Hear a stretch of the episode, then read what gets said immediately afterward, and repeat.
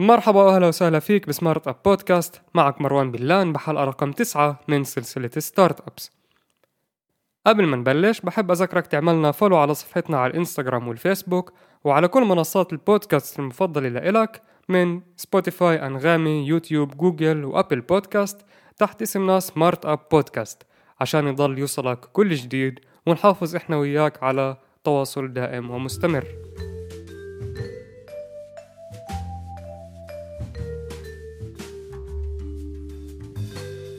بعالم اليوم في كتير مصادر للمصاري والاستثمارات اللي بتفتح المجال لأي ريادي عنده فكرة خارقة يبدأ يشتغل عليها ويطورها وياخد مساعدات وتمويل من قطاعات مختصة ويطلع منهن كتير مصاري الكافي إنه تحقق له حلمه ويحول هاي الفكرة لواقع من عيشه.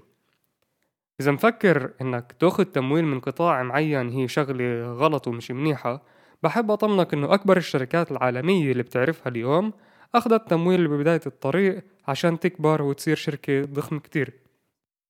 واليوم بدنا نتعرف على قطاع التمويل الأساسي المتاح لشركات startup والمعروف باسم رأس مال استثماري أو Venture Capital. وعشان نسهل على حالنا راح نحكيله من إسا وطالع VC اختصار ل Venture Capital. والسؤال الأول معنا لليوم هو شو يعني VC؟ ال VC هو قطاع رأس مال خاص. رأس المال هون ببساطة هو مصاري. هذا القطاع بجند مصاري من عدة جهات يا إنه من مستثمرين بيشتغلوا على حسابهم الخاص أو شركات كبيرة أو من مؤسسات كبيرة وغيرها.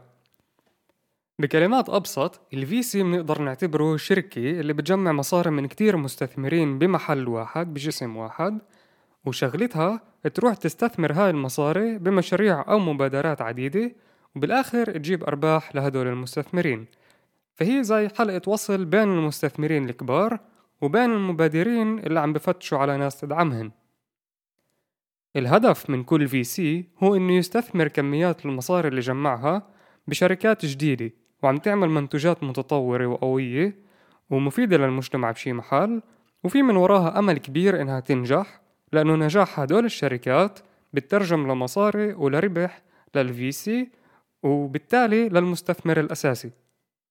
ومثل ما بنعرف احتمالات نجاح كل واحد من هدول ال startups أو المبادرات الصغيرة هو ضئيل جدا. لهيك ال VC بيستثمر بكتير شركات من مجالات مختلفة على أمل إنه واحدة منهن تنجح كتير وتغطي على باقي الاستثمارات اللي انعملت بهاي الفترة بس فشلت. هذا الإشي بخلينا نفهم كيف بيقدر ال VC يدعم startups صغيرة وجديدة ويفوت معك على الموت. وإذا فشل ال startup فأنت مش مجبور ترجع له مصرياته. بس من ناحية تانية ال VC عليه مسؤولية كتير كبيرة بإنه يرجع المصاري اللي جمعها لأصحابها سالمة وغانمة مثل ما هي حتى يمكن مع شوية ربح. لأنه هاي المصاري تابعة لأشخاص اللي يمكن مش كتير مستعدة تخسر مصرياتها أو على الأغلب بدهاش تخسر مصرياتها بس لحظة شوي قبل شوي قلنا إنه ال VC بفوت معك على الموت لا؟ فليه بحاجة ال VC يرجع المصاري لأصحابها في حال طلع بخسارة مين صحاب هاي المصاري أصلا؟ عشان نجاوب على هاي الأسئلة رح نحتاج لفاصل صغير ونواصل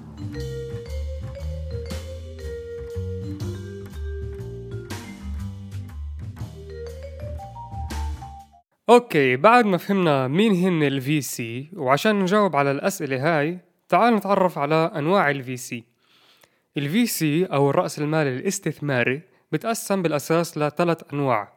النوع الكلاسيكي المكون من مؤسسات كبيرة النوع المكون من شركات كبيرة والنوع المكون من قطاعات خاصة. بالنوع الأول أو النوع الكلاسيكي ال VC هو مؤسسات كبيرة مثل شركات تأمين بنوكي شركات مسؤولة عن مصاري التقاعد تاعت عامة الشعب وغيرها من المؤسسات المشابهة. المميز بهذا النوع إنه بيملك كميات كتير كبيرة من المصاري وهاي المصاري تابعة لناس خاصة مثلي ومثلك. معاشي ومعاشك بفوتوا على البنك ومنهن ندفع تأمين السيارة تأمين البيت تأمين الحياة وكمان بتخزن قسم منهن بصندوق التقاعد اللي فاتحه مع شي شركة. بجملة واحدة دمجت لك ثلاث مؤسسات كبيرة اللي بتخزن مصرياتي ومصرياتك ومصريات أغلب الناس اللي بتشتغل. وهاي المؤسسات شو بتروح بتعمل مصرياتنا؟ بوم بتروح تستثمر فيهن بمشاريع كتيرة عشان من هاي المصاري يجيبوا كمان مصاري. أنا وياك ما طلبناش منهم يروحوا يضيعوا لنا مصريات التقاعد على شغلات فارطة مثل الاستثمار ب startup فاشل. بس بنفس الوقت هن بيشغلوا كتير ناس بهاي المصاري على أمل يكتروها. وبالآخر بيضمنوا لك إنهم يرجعوا لك إياها. كمان دور كيف بيقدروا يضمنوا لك هاي الشغلة؟ هدول المؤسسات بيروحوا بيستثمروا بجزء من هدول المصاري اللي هن معهن بعدة شغلات ومنها startups على أمل إنه جزء منهن يحقق أرباح كتير كبيرة. وهيك الكل بيطلع ربحان. أنت بتاخد مصرياتك بالوقت المناسب مثلا بوقت التقاعد تبعك يمكن مع شوي فايدة. ال VC بيكون عمل مصاري من مصرياتك ورياديي أعمال كتير بجيبوا أفكار لأرض الواقع وبحسنوا وضع المجتمع ككل.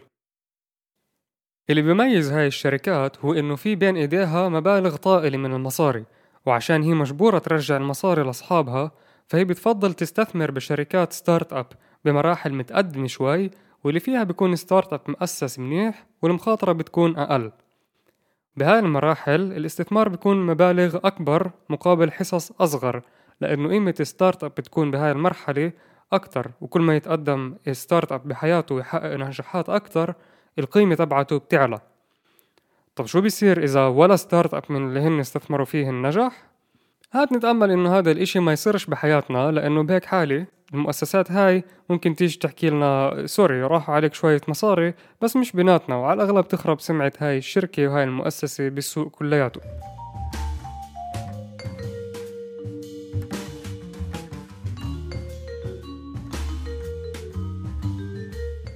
النوع الثاني هو VC التابع لشركات كبيرة متعددة الدول وفي بجيابها مبالغ عظيمة من المصاري.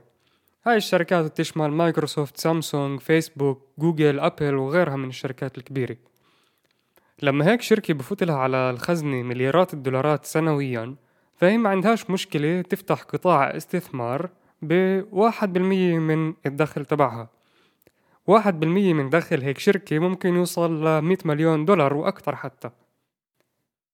من وجهة نظر الشركة واحد بالمية من دخلها بتقدر تحطه تحت فئة البحث والتطوير لأنه لما عم تعمل قطاع استثمارات فهي عم تبحث عن إشي معين. شو هو هذا الإشي يا ترى اللي عم تبحث عنه؟ الشركات الكبيرة فاهمة كتير صح إنه حجمها الكبير ممكن يعمل عائق للإبداع ولتطوير منتجات وخدمات حيوية للشركة ولهذا السبب هي دائما بتفتش برا على startups جديدة اللي عم بتطور منتوجات بتشبه روح الشركة. الشركات الكبيرة بتفتش على استثمار استراتيجي اللي يساعد ال startup يكمل حياته وهو مرتاح ومن ناحية تانية تجميع معلومات داخلية سرية عن هدول ال startups عشان تفهم قديش بفيدوها. فهي ممكن تحط شوية مصاري بال startup يصير عندها ملكية أو حصة من ال startup وبهاي اللحظة بيطلع لها تعرف قسم منيح من أسرار ال startup.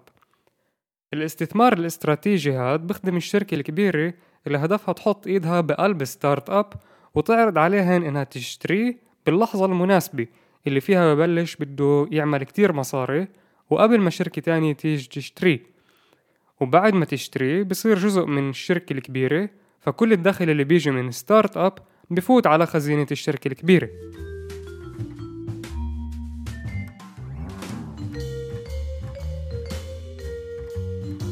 النوع الثالث من عالم ال VC هو القطاع الخاص. القطاع الخاص مكون من شركات خاصة اللي وظيفتهن يجمعوا مصاري من مستثمرين تنايا ويروحوا يستثمروهن ب startups ببداية طريقها. استثمارات هذا القطاع الخاص بتختلف من شركة لشركة فكل VC من هذا النوع عنده المواصفات الخاصة فيه واللي بحسبها بقرر بأي startup يستثمر. بنفع نقول إنه أهم المواصفات هي شو مجال التخصص تبع startup؟ صناعة طب علم نفس ألعاب فيديو. شو درجة التقدم؟ وين. وين ال startup موجود بحياته؟ هل هو بالبداية تبعتها؟ هل صار في منتوج أولي؟ هل هو متقدم أكتر؟ إيه بنفع نطلع كمان على اختصاص أصحاب ال VC شو شو الخلفية تبعت أصحاب ال VC شو حجم الاستثمار اللي عم بنحكى عنه بهاي المرحلة؟ وشو حجم الملكية المطلوبة وغيرها من المعايير لكل واحدة من هدول الشركات بتحددها لحالها. بس بشكل عام VC من هذا النوع بحب ياخذ حصة كبيرة من الشركة مثل 20 ل 25% مقابل هاي الحصة طبعا في استثمار مادي بس غير الاستثمار المادي في استثمار إيه وقت وجهد ومقابلات بين أصحاب ال startup وبين أصحاب ال VC لأنه مثل ما حكينا بالحلقة الماضية لما مستثمر بحط مصرياته بالشركة فهو من هاي اللحظة بصير شريك بالقرارات وبيقدر يقترح شغلات ونظرة مختلفة عن شو المؤسس بفكر. مع هذا الاستثمار بيجي كمان دعم من المستثمر من خبرته بالمجال ومعرفته لأشخاص أو شركات اللي ممكن بتساعدك تبني startup تبعك بشكل أفضل. وطبعا مثله مثل باقي الأنواع اللي حكينا عنها قبل هذا ال VC كمان بيستثمر بعدة startups على أمل إنه جزء منهن يحقق أرباح كبيرة ويغطي على كل الاستثمارات اللي كانت فاشلة.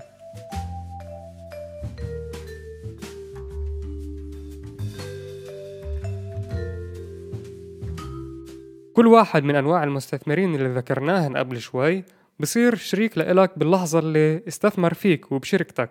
فبرجع وبشدد إنه كتير مهم نختار الشريك الصح شريك استراتيجي للستارت أب تبعنا لأنه مش مهم قديش حجم الاستثمار أو قديش الملكية اللي عم تتاخد. هذا الشريك رح يضل موجود ورح يضل فوق راسك لتن نشوف ثمار الاستثمار تبعونه بنجاح شركتك. فرح أختتم الحلقة بثلاث نقاط تساعدك تقرر أي مستثمر تختار من ناحية نوع ومن ناحية شركة. أول إشي بدك أنت تكون متأكد إنك بحاجة لاستثمار من قبل في سي أصلا. بدك تسأل حالك الأسئلة الصعبة تبعت ليش بدي مستثمر؟ قديش مصاري أنا بحتاج بهاي المرحلة؟ وعشان أنقل حالي أنقل startup من مرحلة ألف لمرحلة باء أي جزء من الشركة أنا مستعد أعطي المستثمر؟ وهل أصلا بحاجة لمستثمر بهذا الحجم؟ البديل لمستثمر هالقد كبير هو إنك تبني تكمل تبني الشركة شوي شوي ومن الدخل اللي بتصير تعمله بتطور شركة كمان وكمان وبتصير تتوسع لأسواق جديدة. هاي الطريقة يمكن تاخدك أكتر وقت عبين ما تصير الشركة تبعت المليون دولار الجاي بس هيك بتحافظ إنه ملكيتك على الشركة تضلها كبيرة.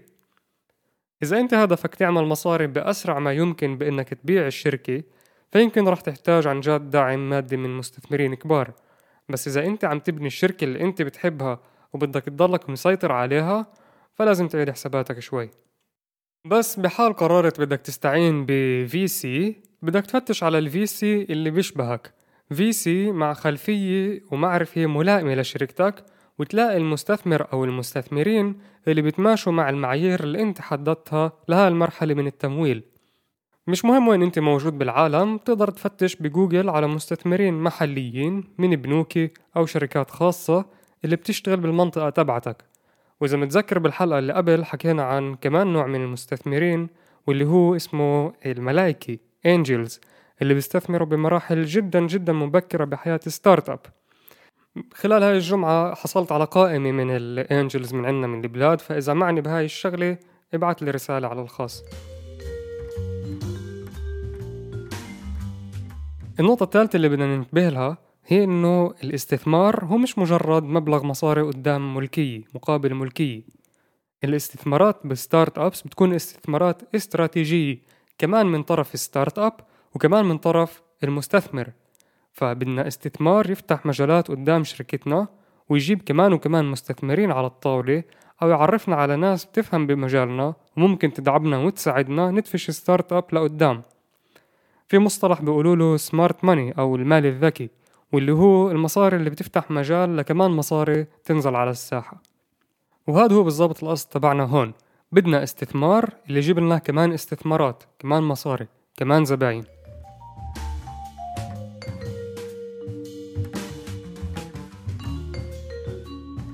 طيب هيك بنكون وصلنا لنهاية حلقتنا لليوم.